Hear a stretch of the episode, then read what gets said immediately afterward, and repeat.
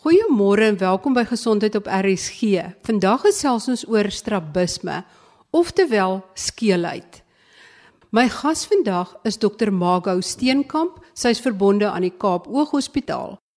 Dr. Steenkamp, hoe sal jy strabisme of skeelheid beskryf? Strabisme kan gesien word as 'n groep van toestande waar daar 'n wanbeleining tussen twee oë is wat een of beide oë kan dan indraai, uitdraai, opdraai of afdraai. So met ander woorde die oë kyk nie in dieselfde rigting nie.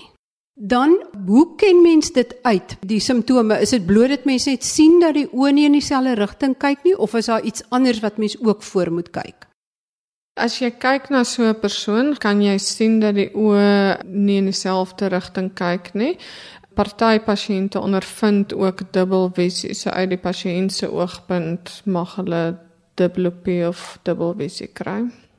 Mense sien baie keer dat ek as 'n klein babietjie gebore word en sy oogies so half oor mekaar kyk. Hoe weet mens of dit normaal is en self gaan regkom en of jy na 'n oogarts toe moet gaan?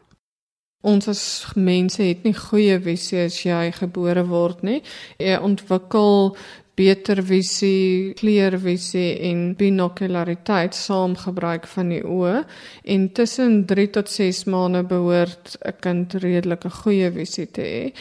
So in hierdie tydperk wat die visie en die breinbane kan 'n mens maar sê ontwikkel, is dit normaal dat oë nie te alle tye saam in dieselfde rigting kyk nie. So intermitterende skeelheid of oor mekaar kyk kan nog binne normale perke wees op 'n uh, jong ouderdom. Dit is definitief nodig om te laat kyk daarna as dit intermitterende skeel is wat aanhou verby hierdie ouderdom, as dit konstant is. So as jy al is dit 'n klein babatjie maar die die skeel is konstant daar dit is 'n groot hoek dit verander nooit nê of as dit 'n nuwe skeel is wat aankom op later ouderdom jy het dit nooit gesien en ewe skielik sien mense 'n nuwe skeel is dit definitief nodig om te laat kyk daarna. Is dit tot 6 maande wat die breinbane ontwikkel? Mens mens sien nie bloot net omdat jy oë het nie jy sien omdat die o die boodskappe na 'n sekere deel van die brein moet neem en die brein moet registreer dat jy sien. Maar tot watter stadium ontwikkel daai proses? En sê maar die oog werk nie, kan die brein dan nie leer om te sien nie. Met ander woorde voor watter ouderdom moet mens seker maak dat dit nog kan gebeur? Jou visie ontwikkel, so jy kry beter visie in die oë en die breinbane ontwikkel.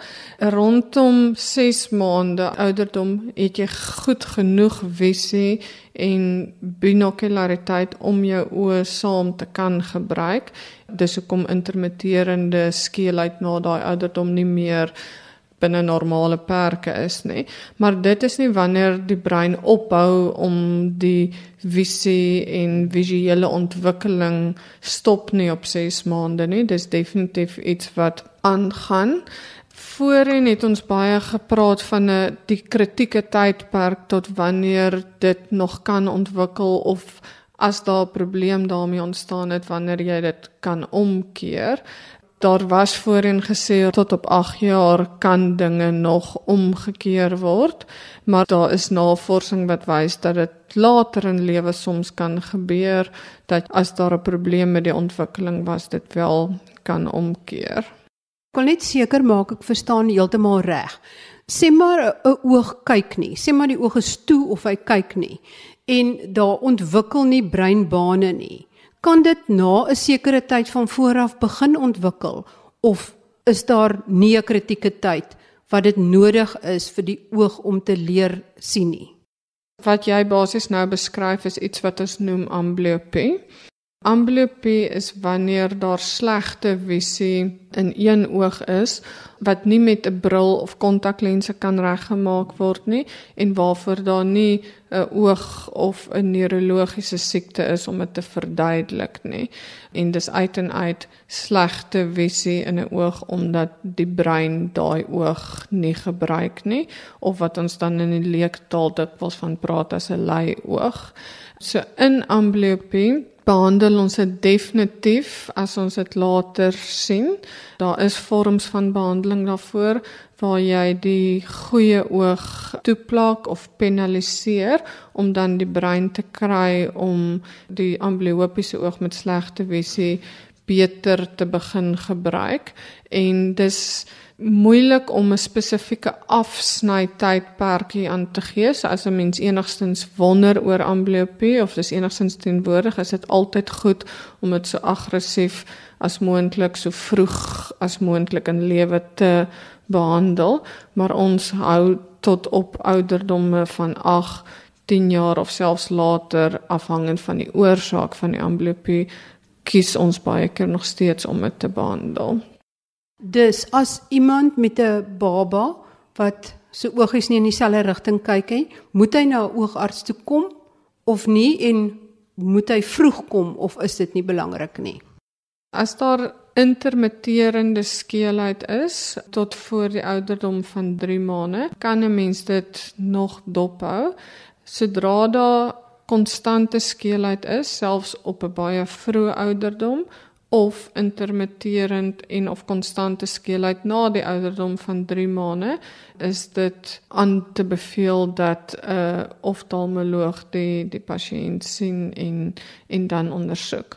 En dan is dit makliker om te sê is dit iets wat 'n mens kan observeer of is dit iets wat um, dringende behandeling nodig. Ehm um, wat ek dink belangrik is om uit te lig is dat strabisme kan dikwels as 'n waarskuwing te sê dat daar iets anders aan die gang is. So jy kan vir verskeie redes strabisme kry. Jy kan strabisme kry omdat daar oogsiekte binne in die oog is. Jy kan strabisme kry omdat daar 'n baie groot brilfout is. Jy kan strabisme kry omdat daar 'n neurologiese siekte is, 'n verlamming van 'n senuwee en so dis nodig vir 'n uh, oftalmoloog om te kyk wat die oorsaak is van die strabisme want daar sekere gevaarlike toestande wat 'n mens vinnig en aggressief wil behandel dan kry jy ook die groep van strabisme net 'n wanbeleining is tussen die oë omdat daar 'n wanbalans is in die neuromuskulêre beheer van die oogbewegings maar dit is hoekom jy 'n uh, mediese kenner sien wat vir jou kan help met die verskillende oorsake. As 'n mens praat van strabisme, kan mens dit opdeel in die wanbeleiningsgroepe. So jy kan praat van 'n esotropie waar die oë na binne draai, 'n eksotropie waar die oë na buite draai hipertrofie waar dit opdraai of hipotrofie waar dit afdraai en binne in elkeen van daai groep het jy verskillende oorsake met verskillende behandelings. Esotropie is die mees algemene tipe strabisme wat 'n mens sien. En binne in daai groep kry jy dan sekere senuweeverlammings wat dit kan veroorsaak. Dit kan wees omdat daar 'n oogsiekte binne in die oog is maar dan kry jy ook 'n groep wat ons noem akkommodatiewe esotropie waar dit 'n brilfout is gewoonlik en 'n groep van infantiele of essensiële esotropie waar die kind gebore word met oë wat na binne kyk omdat die neuromuskulêre beheer van die oogbewegings nie normaal is nie. So die oftalmoloog gaan jou dan nou sien en en 'n volledige geskiedenis doen, 'n volledige ondersoek en wat belangrik is as deel van die oogondersoek is om druppels in te gooi, die kykers oop te maak sodat jy die pasiënt dilateer, seker maak daar is nie oogsiektes nie.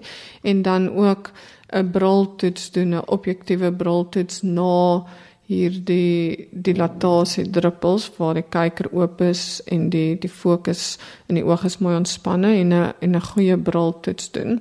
Wat ons dan bring by die behandeling wat kan wees in enkele gevalle dat jy net dit observeer.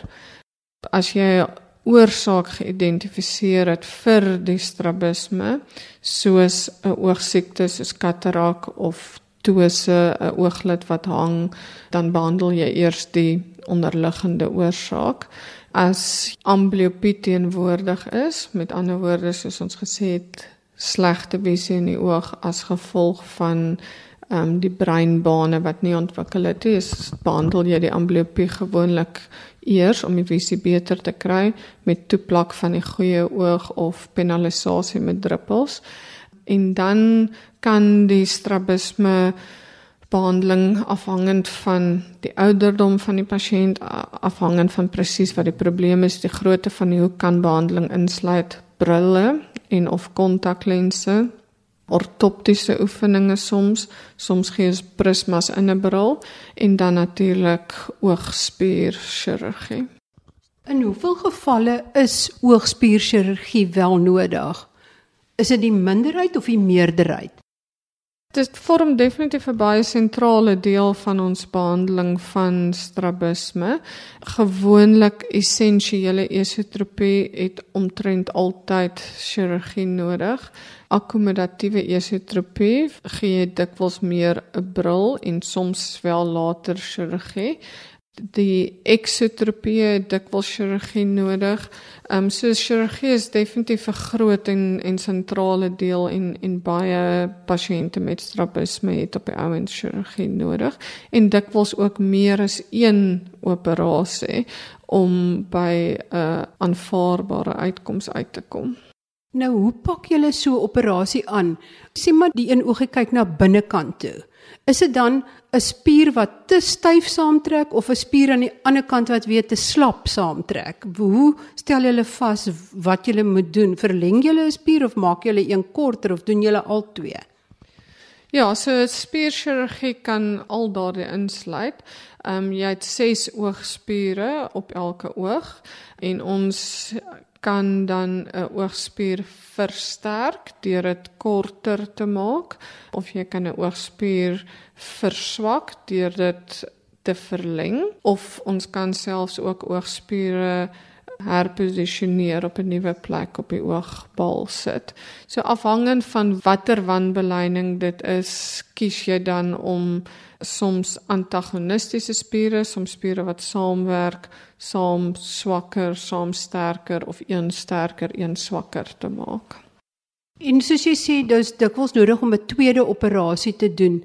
Is dit moeilik om te skat tot watter mate mens spiere moet versterk of verswak? Is dit hoekom 'n tweede operasie nodig is of verander die oog en dit is dalk die rede hoekom 'n tweede operasie nodig is?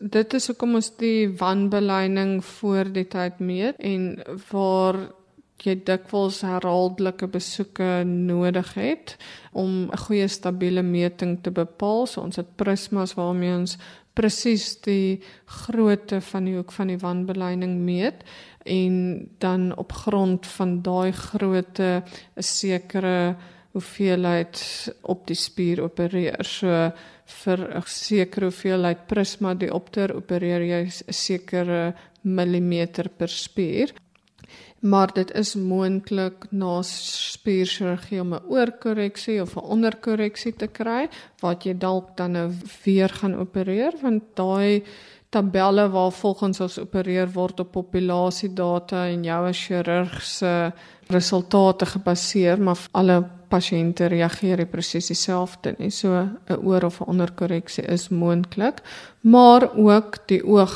verander oor jare en so dit is moontlik dat iemand in as kind spierchirurgie nodig gehad het en alles was goed op daai stadium maar dan 'n hele paar jare later weer chirurgie benodig omdat die oog verander het en die spiere verander het.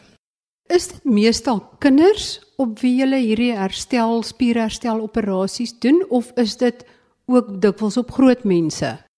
Ehm um, strabisme kan definitief in kinders en in groot mense sien ons dit. 'n Groot hoeveelheid van strabisme operasies word in kinders gedoen, maar dit is moontlik om as kind strabisme chirurgie nodig te gehad het en dan weer later in lewe, maar jy kry ook verworwe toestande wat vir jou strabisme gee en so jy kan 'n hele nuwe strabisme as 'n volwassene ontwikkel. Kan jy dalk 'n paar voorbeelde noem van die toestande wat dit kan veroorsaak?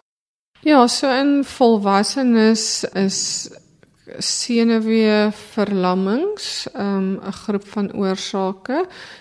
Ons het 12 kopsenuwees waarvan 3 van hulle kraniaalsenuwee 3, kraniaalsenuwee 4 en kraniaalsenuwee 6 um die oogspiere voorsien. So as jy enigsins 'n verlamming van een van daai spiere kry, kan jy 'n nuwe strabisme kry. Daar's oogkas siektes soos orbitale patologie wat vir jou nuwe strabismus kan gee waarvan tiroïed oogsiekte een van die meer algemene oorsake van orbitale patologie en strabisme is. Daar is neurologiese toestande wat vir jou strabisme kan gee. Daar's spiersiektes wat vir jou strabisme kan gee soos myasthenia gravis. As jy 'n hoofbesering gehad het, beroertes kan vir jou strabisme gee. Daar is oogsiektes wat jy kan kry waar jy strabisme sou ontwikkel. So dit is nodig dat iemand jou mooi ondersoek en dan bepaal wat die die oorsaak van die strabisme is. Het nou gekom na myasthenia gravis. Kan jy net in 'n kort opsomming net sê wat dit is?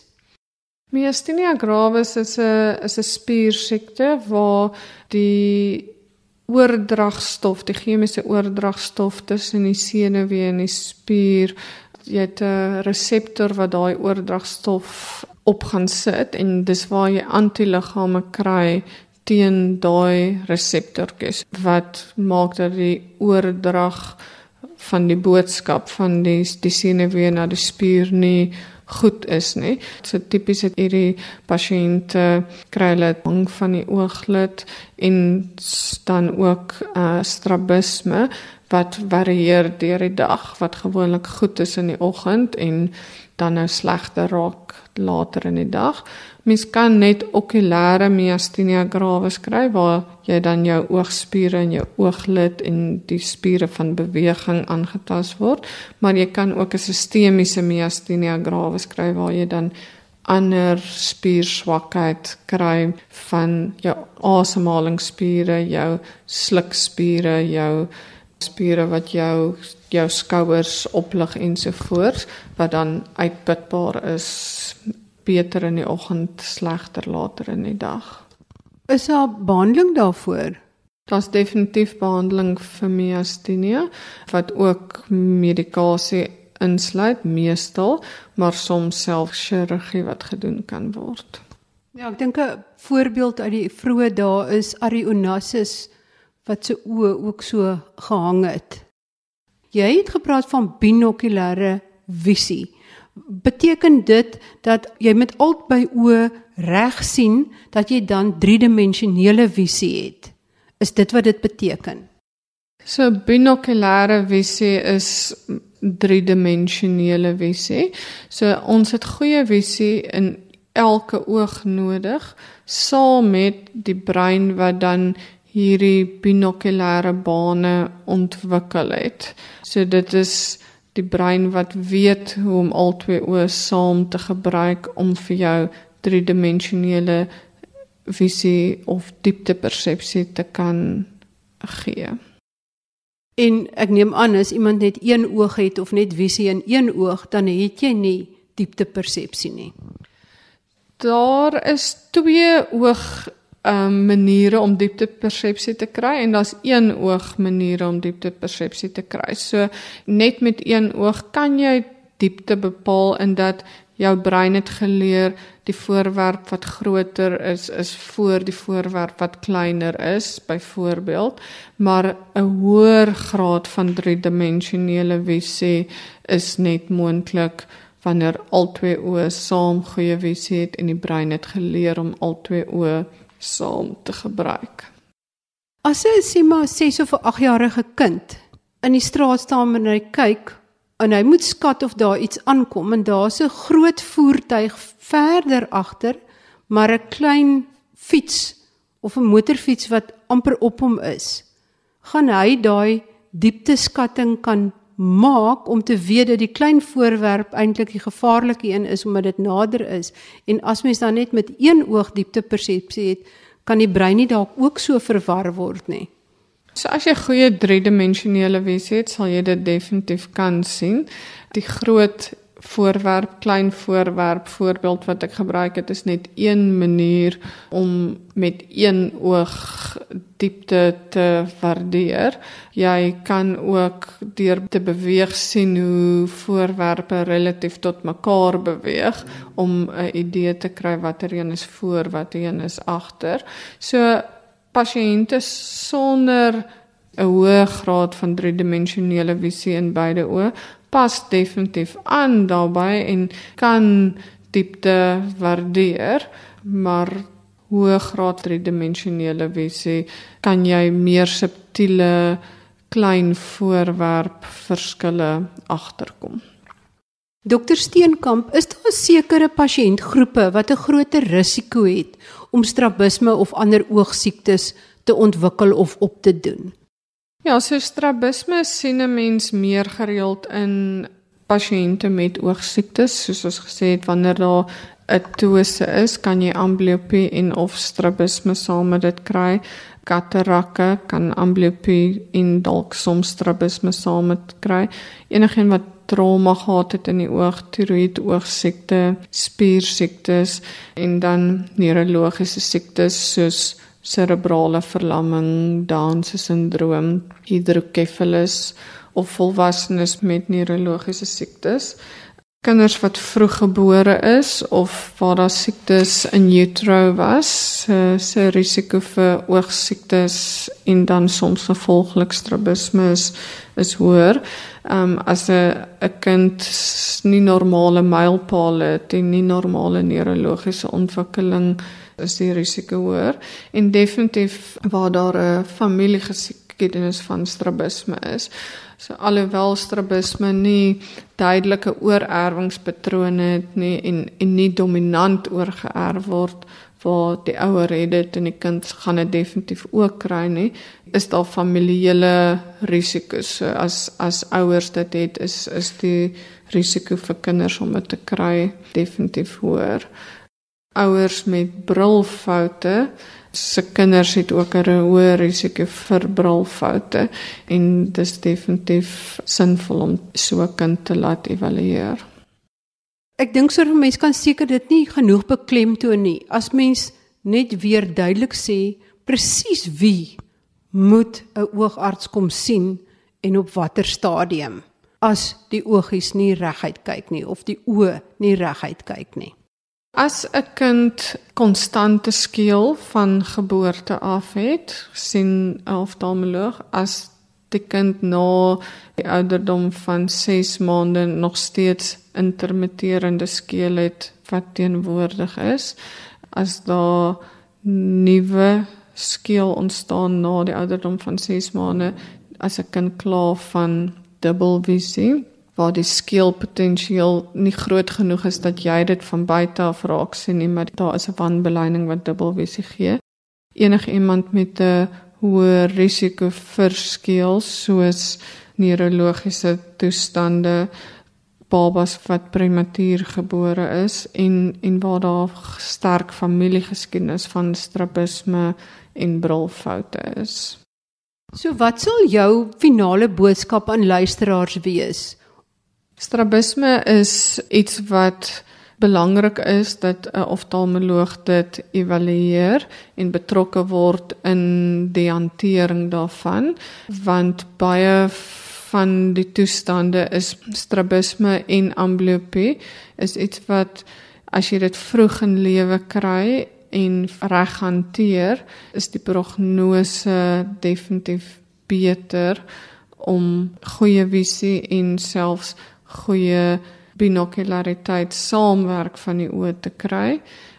Dit is goed om te weet dat daar is behandelings wat ons beskikbaar het wat goed kan werk en en goeie sukses kan ehm um, verseker.